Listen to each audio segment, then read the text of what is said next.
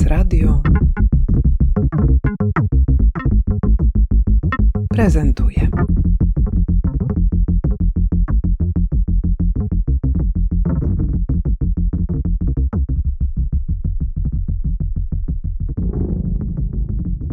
Szabłowska, dyrektorka artystyczna Międzynarodowego Festiwalu Filmowego M-Bank Nowe Horyzonty i współkuratorka wystawy Avec Plaisir. Stach Szabłowski, współkurator wystawy Avec Plaisir w Galerii Studio BWA we Wrocławiu. Wystawa zacznie się 21 lipca i potrwa do 22 października. Co się kryje pod tą nazwą? Francuskojęzyczni od razu zrozumieją, ale trzeba przetłumaczyć z przyjemnością, to znaczy co? No właśnie ja bym polemizowała, czy trzeba tą nazwę wystawy tłumaczyć, bo avec plaisir to jest takie słowo, którego używaliśmy nawet w szkole podstawowej, e, w ogóle nie znając francuskiego, ale te dwa słowa e, rozumiał każdy. E, ja nawet lubię bardziej je tłumaczyć nie tyle z przyjemnością, co z rozkoszą. I to jest wystawa o przyjemności, rozkoszy, ale też o bólu i połączona jest z wyobraźnią erotyczną francuskiego reżysera nowofalowego Alana Robcrieta, gdzie właśnie taka ból i przemoc i przyjemność splatały się w jedną całość i zajmowały bardzo duże miejsce w jego skądinąd nowofalowej twórczości. Jeden z filmów nazywa się Płynne stany rozkoszy i być może stąd właśnie wynikła e, ta nazwa na wystawę. Czy ta postać bardzo ważnej osoby dla rozwoju literatury nie tylko francuskiej współczesnej, ale w ogóle literatury nowoczesnej. Czy on ci się wyświetlał wcześniej jako postać, która jakoś z sceną sztuki, sztuki współczesnej była związana? Alain Globlier wyświetlał mi się w takich moich latach e, nastoletnich, kiedy moi rodzice próbowali mnie zainteresować różnymi zakamarkami literatury.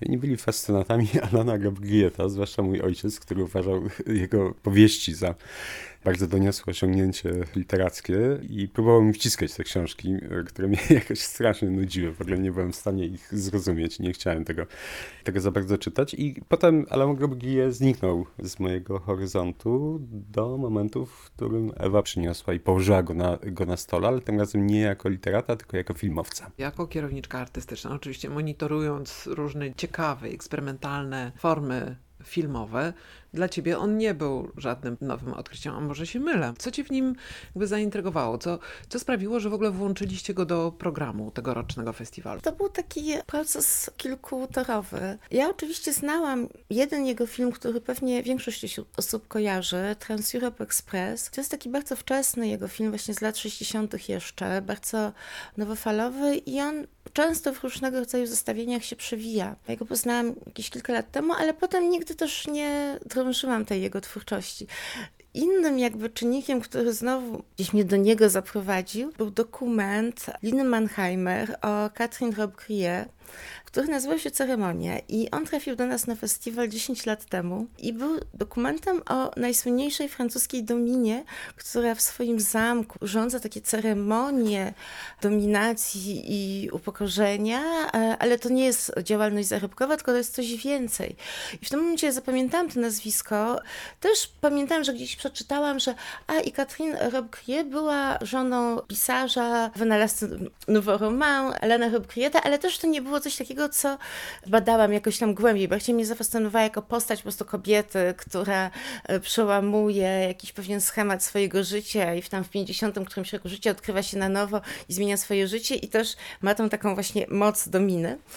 E, I zupełnie niedawno e, gdzieś zobaczyłam, że po prostu te filmy zostały odnowione i że Rob Krie w sumie miał całkiem taki pokaźny dorobek jako filmowiec i, i się wtedy tym zainteresowałam. I przez to, że my na Nowych Horyzontach mamy dużą słabość w ogóle do nowej fali. Ci nowofalowi twórcy jakoś bardzo często się przewijają.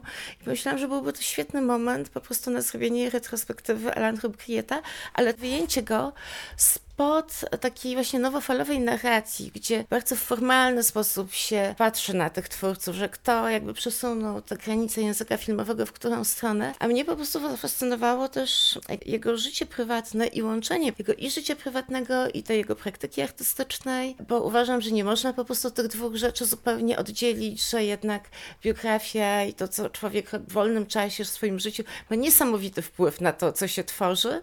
I jak to wszystkie wątki zostały jakby połączone, to było już jasne, że po prostu ta retrospektywa Rob Krieta, ona musi się odbyć w jakimś kontekście. I tym kontekstem był właśnie Avec Plaisir, czyli takie próba usytuowania jego twórczości w kontekście innych twórców, którzy też zajmują się tym tematem, powiedzmy najszerzej ogólnie BDSM-em, ale patrzą na niego z innej perspektywy, czyli na przykład z bardziej kobiecych perspektyw albo queerowych perspektyw. I trzeba pamiętać, że Rob Krie, który był libertynem absolutnym, był awangardzistą, ale też był bardzo człowiekiem swoich czasów, był heteromężczyzną i dla niego w ogóle każda sytuacja jakby dominacji i uległości to była taka sytuacja, gdzie mężczyzna dominuje, a kobieta jest uległa, że jest silny mężczyzna, mężczyzna i po prostu jedna z tych pięknych młodych kobiet, które uwielbiają być związane i po prostu czekają, aż zostaną upokorzone. Jego żona nie była tego samego zdania. Z jego żoną jest bardzo ciekawa historia. Ona to opisała w książce, bo wydała po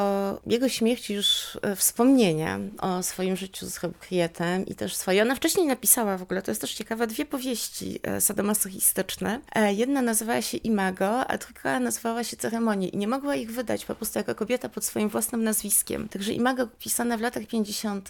wydała jako Jean de Berg, jako mężczyzna, a ceremonię, które napisała w latach 80. i Imago jest powieścią, jest taką nowelką fikcyjną o relacji mężczyzny z dwiema kobietami, a ceremonie z kolei są obrazem po prostu takiego środowiska BDSM już, w którym ona się opracała w latach 80. w Nowym Jorku. Napisała jako Jean de Berg, jako Jean, czyli Janina de Berg.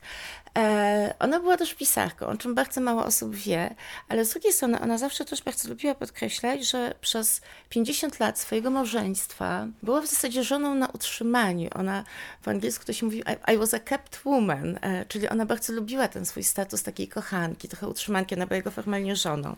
Oczywiście. I mieli podpisany, co jest też interesującym takim faktem, kontrakt niewolniczy, gdzie wszystko było zalegalizowane. Więc to nie była taka równościowa, partnerska relacja. Znaczy ona była partnerska w pewnych formach, no bo w kontrakcie są opisane prawa i obowiązki każdej ze stron małżeńskiej. W zasadzie jak bierzemy ślub, no to mamy tylko tą formułkę, podpisujemy akt małżeństwa, no ale nikt nie wyszczególnia, co kto ma zrobić, w którym momencie, jakie ma dostać rekompensaty za zrobienie tego, albo co musi dostać, jeżeli tego nie dostanie, a w tym ich kontrakcie bardzo szczegółowym, liczącym tam kilkadziesiąt stron, wszystko było uwzględnione. I ona powiedziała, że jednym z tych punktów tego kontraktu było to, że był małżeństwo Pański Beach który był używany dwa razy w tygodniu przez 50 lat ich małżeństwa. I dopiero wtedy, kiedy poznała swoją obecną partnerkę, Beverly Charpentier, ona zrozumiała, że to jest ten moment w jej życiu, kiedy ona już nie może być po prostu uległa i ona zrobiła tak zwany switch i została dominą. Odkryła w sobie tą dominującą stronę osobowości,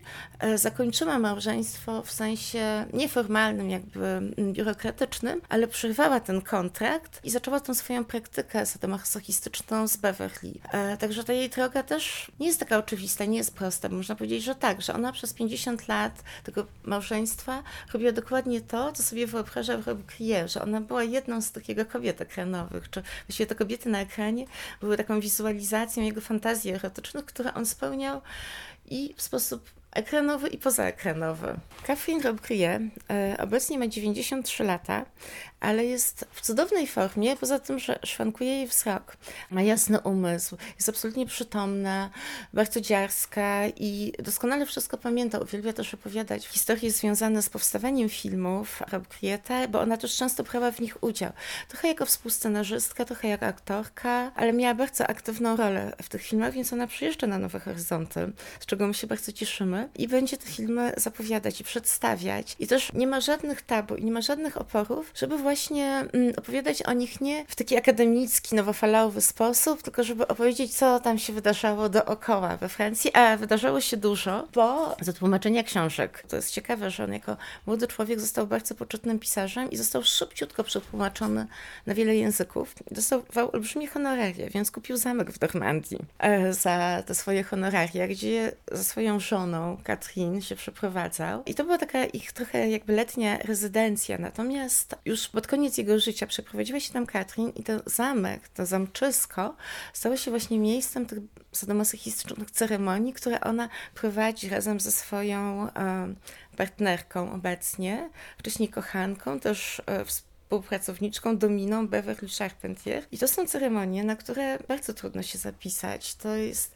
najbardziej oblegana rzecz e, w świecie społeczności BDSM we Francji. E, żeby się dostać na taką ceremonię, trzeba wysłać list pisany ręcznie, na papierze. One razem je czytają, ewaluują i dopiero potem na niektóre z tych listów, zależnie od tego, jak one, jak profil psychologiczny wynikający, prawda, z tej opowieści zawartej w liście się przedstawia, uznają, czy ta osoba się nada, czy się nie nada. Więc one tam odpisują, ustawiają kandydata w kolejce, który potem przez kolejnych kilka miesięcy, przeważnie okres oczekiwania na tę ceremonię to jest około dwóch lat, ale dostaje raz na jakiś czas właśnie liściki, gdzie już jest zobowiązany, żeby robić różne rzeczy, żeby się przygotowywać. Więc to, co one robią, to jest naprawdę ceremonia, bo to nie jest sesja BDSM, że ktoś przychodzi, zostaje potem zdominowany, czy zostaną mu zrobione różne rzeczy. Nie, to jest jak scenariusz filmowy, to jest bardzo filmowe, że trzeba się przygotowywać, że on już od pewnego momentu je na przykład tylko specyficzne potrawy, albo ubiera się w pewien sposób, ma powiedziane w jaki sposób ma się dostać, jakim środkiem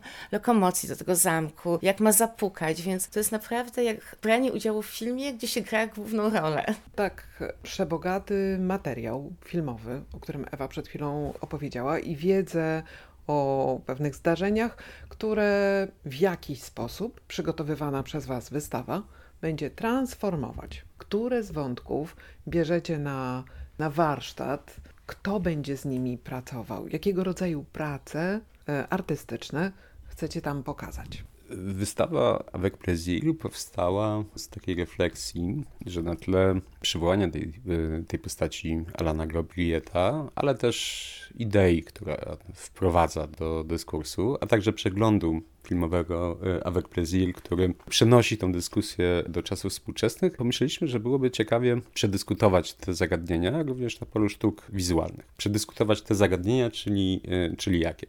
Przede wszystkim pomyśleliśmy o tej figurze libertyna i o libertynizmie, czyli, czyli o takiej formacji, którą ta postać Alana Gabrieta przenosi w epokę rewolucji seksualnej, dlatego że te y, jego najbardziej klasyczne filmy powstawały w kontekście Nowej Fali. On był ważną postacią dla, dla Nowej Fali.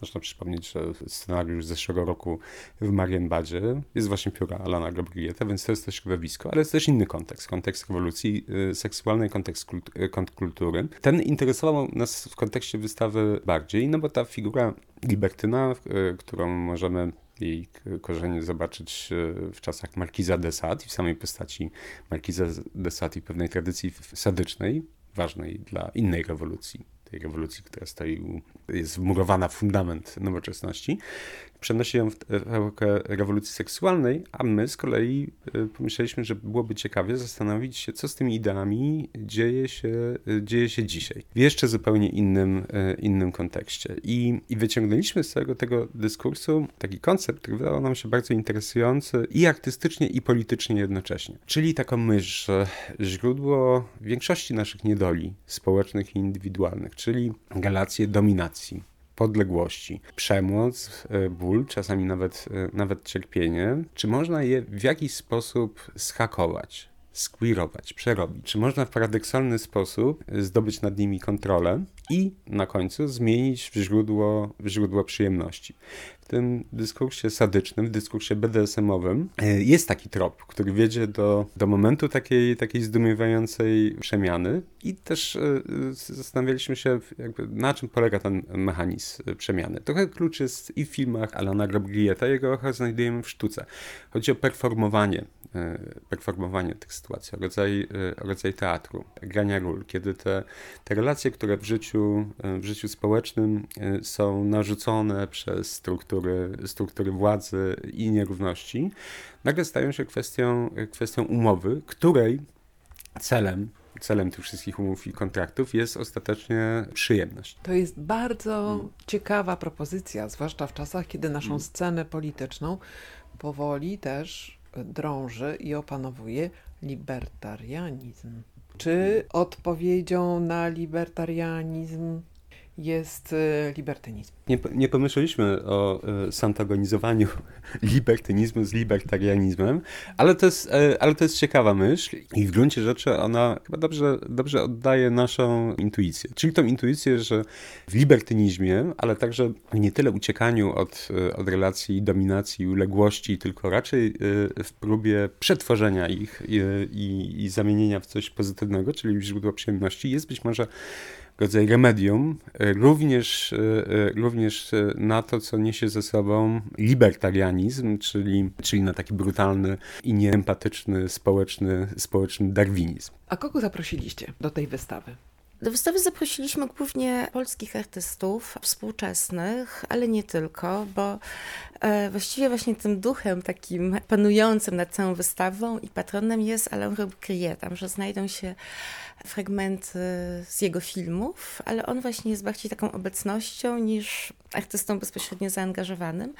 E, do wystawy zaprosiliśmy artystów głównie z Polski, współczesnych artystów, ale nie tylko. Między innymi jest tam Wiola Głowacka, Jan Moszczyński, Zofia Pałucha, e, sędzia główny, Sebastian Winkler Paweł Ponury-Żukowski. A także Jack O'Brien, Joe Pollux, Hito Steyer, a to wszyscy. Czy da się z tego wyłonić jakieś takie wątki narracyjne, którymi można byłoby teraz się posłużyć, żeby zaprosić do obejrzenia tej wystawy? Jak wybraliście te prace? Gdzie są te punkty zaczepienia, które łączą te prace tych artystów z Rob Grietem. Wystawa Avec Plaisir y, jest tak skonstruowana, że Rob Griet stanowi pewne tło. Stanowi taki odległy, odległy pejzaż, na tle którego oglądamy pracę współczesnych artystek y, i, y, i artystów, dlatego że przede wszystkim nas interesowała teraźniejszość libertynizmu i wrażliwości BDSM w takiej perspektywie i indywidualnej, i, i społecznej, czyli politycznej. A Rob Grillet posłużył nam w roli tej postaci, która jest gdzieś tam na horyzoncie w tle, jako figura pewnej wrażliwości, tak? jako rodzaj przewodnika, który podpowiada pewien kierunek, w którym można by pójść, żeby odkryć indywidualne i społeczne możliwości. I o tej wystawie można pomyśleć jako o rodzaju takiej mapy, Niezbyt szczegółowy oczywiście, no bo to, to nie jest ogromna, ogromna wystawa, tylko taki projekt rozpisany na 9 osób, ale mimo wszystko wyobraźmy sobie tę wystawę jako, jako mapę, na której są zaznaczone pewne punkty na tym ter terytorium wrażliwości BDSM-owej, różne jakby takie geologiczne czy topograficzne formacje tego, tego terytorium. Jedne zakątki wiodą nas w takie rejony bardziej, bardziej prywatne i konfesyjne, jak na przykład jedna z prac Pawła Żukowskiego, która jest rodzajem takiego dość intymnego dziennika pewnych praktyk i doświadczeń, a na drugim biegunie byłaby, powiedzmy, Hito Steyer, jej film, który, owszem, też jakby punktem wyjścia jest jej biografia, jej prywatne doświadczenia z kulturą BDSM-ową e, w Japonii, ale jednak punkt dojścia jest już bardzo, bardzo polityczny i zmienia się w takie krytyczne społeczne rozważanie. No i gdzieś reszta wystawy się, się rozgrywa pomiędzy tymi biegunami, czyli e, biegunami czegoś, co, co jest bardzo osobiste, intymne i prywatne i dzieje się w zaciszu jakiejś sypialni albo klubu, albo kazamatu, a ten drugi biegun jest już tą przestrzenią takiego rozważania, co dla nas z tego wynika jako dla zbiorowości w tej, tej perspektywie społecznej. No i właśnie to jest to ostatnie pytanie, które chciałam wam zadać. Co ona daje nam jako takiej kolektywnej wyobraźni? Wystawa Plaisir, zresztą jak każda wystawa, którą się robi kiedykolwiek, e, pojawia się w sieci takich bardzo, e, jakby w gęstej sieci różnych, e, różnych kontekstów. Jeden z nich, który też nas popchnął w kierunku zajęcia się tym tematem, to jest takie wypływanie wrażliwości BDSM-owej z podziemia, praktyki wrażliwości erotycznych, w których BDSM dawniej jednak był zamknięty na powierzchnię i również korumpowanie tej wrażliwości i estetyki przez wielkie korporacje. Ona jest dużo bardziej obecna w, w popkulturze, ale też w modzie niż była, e, niż była kiedyś. Oczywiście jest taka nisza i wszyscy widzimy jakieś gadżety jakby wyciągnięte e, z tego uniwersum BDSM-owego, Które się nagle pojawiają w ofercie wielkich, wielkich sieciówek jako, jako artefakty y, sprzedawane nastolatkom z gimnazjum, kariera różnych powieści, takich palpowych i bestsellerowych, które się pojawiają, y, wątki BDSM-owe. No, jakby widzimy, że, że świat szeroko pojętego kapitału jakby zabrał, zabrał się za to, starając się tą wrażliwość sprzedać i, i dla nas był to sygnał paradoksalnie, że w niej w takim razie musi być coś bardzo współcześnie istotnego i ważnego, dlatego że zwykle rynek bierze się za banalizację y, i komercjalizację rzeczy, w których kryje się realny potencjał. Nie na zasadzie korumpowania kultury punkowej na przełomie lat 70. i 80. I ten potencjał y, wydaje nam się wciąż niezneutralizowany. Na wystawie świetnie to widać na przykład w performance sędzi głównego. To jest praca już w jakimś stopniu archiwalna, ma ponad 10 lat. To jest rozdział 54. Sędziny główne numerowały swoje kolejne performance. Niesamowicie gęste wystąpienie wykonane w Zielonej, w Zielonej Górze, w której sędziny wykorzystały wiele elementów, nie tylko kultury, ale też praktyk. BDSM, tam jest biczowanie, jakby osoby są uderzane. Cała sytuacja jest y, bardzo, bardzo erotyczna, ale też pokazuje, że w rękach świadomych osób, które rozumieją tą ideę performowania ról różnych, płciowych, społecznych, politycznych, ta erotyka może stać się, może stać się takim bardzo użytecznym narzędziem zmiany wszystkich, wszystkich relacji, bo świadkami tego performance'u było mnóstwo osób, brały też e, w nim udział w roli takich statystów, jakby postaci wyciągane e, z publiczności i sędziny we dwie zmieniły cały układ społeczny, jakby taką dynamikę relacji między, e, między ludźmi, wykorzystując również erotykę i erotyczną fantazję jako rodzaj energii, która, która zasiliła tą ich maszynę przemiany. I wydaje mi się, że to jest bardzo bardzo emancypujące i dlatego przywołuję ten performance. Że dwie drobne dziewczyny, które nagle intuicyjnie, intelektualnie łapią w jakiś ten sposób, w jaki sposób można kanalizować i przekierowywać tę energię i naprawdę dokonywać, e, dokonywać takiego czaru, że nagle wszystko się odmienia. Ja bym mniej słów tutaj użyła. Uważam, że libertynizm, który tak naprawdę współcześnie określa się słowem hedonizm i do tego się tak naprawdę sprowadza, bo nie ma prawie wymiaru politycznego, jednak rozgrywa się na poziomie takiego indywidualnego doświadczenia, indywidualnego uwolnienia po prostu różnego rodzaju sytuacji władzy i nieprzyjemności, które odbywają się w ciągu dnia. Jest to sytuacja odreagowania, jest to sytuacja nocna i może ten jej wywrotowy potencjał właśnie polega na tym, że w gruncie rzeczy to nie jest wywrotowa sytuacja, bo to wszystkie właśnie ciała uwolnione w takich hedonistycznych, klubowych, nocnych sytuacjach odreagowują i następnego dnia rano przychodzą o dziewiątej w poniedziałek do pracy, więc może to jest właśnie coś takiego, co utrzymuje ten kapitalizm i cały system właśnie w jego takich obrotach e, równych, że gdyby właśnie tego nie było, to być może doszłoby do rewolucji, ale jest to e, raczej właśnie takie uwolnienie i odreagowanie i taki bezpiecznik systemu nawet. Bezpiecznik systemu? Czekaj, BDSM. E, bezpiecznik mm, działającego systemu Mm, mm, masowego. Systemu. Masowego, masowego. Mm. Słuchajcie, nad tym trzeba popracować. To, to, to, to, totalnie się nie zgadzam. Totalnie się nie zgadzasz, okej. Okay. Mm, no to powiedz. Wszystkie systemy, y, a, a już najbardziej konserwatywne, próbujące utrzymać status quo, zawsze tak się bały libertynów, różnych desadów, wsadzali ich zawsze do więzienia wykluczali i, i tropili właśnie nie systemy rewolucyjne, tylko konserwatywne. Tak, no, ale jest to mm. system konserwatywny, o którym mówisz, a ja bardziej myślę mm. tutaj o jakiejś takiej relacji pewnego turbokapitalizmu, nie? że te normy konserwatywne nie są ważne, ale ważne jest, żeby tą energię ludzką po prostu jednak utrzymać e, w pewnych ramach i ryzach i być może jest to piwnica, być może jest to klub, może jest to klub BDSM, a może to jest klub techno.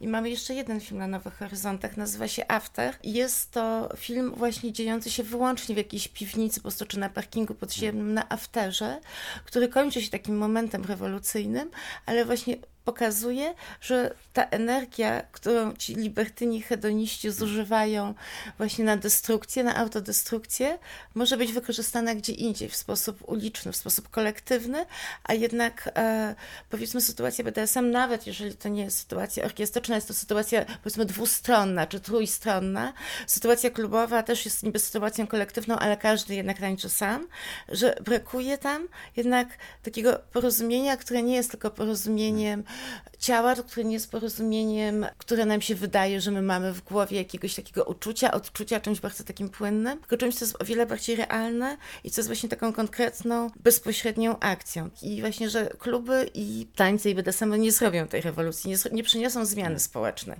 Tak i przynajmniej... Chcesz powiedzieć, że przyjemność jest reakcyjna sama w sobie? Nie mówię, że przyjemność jest Mhm. reakcyjna, mówię, że przyjemność jest przyjemna, coś jest potrzebna, ale może na bardziej takim indywidualnym, wewnętrznym jakby rejestrze, tak? Poziomie, który też jest potrzebny człowiekowi, ale...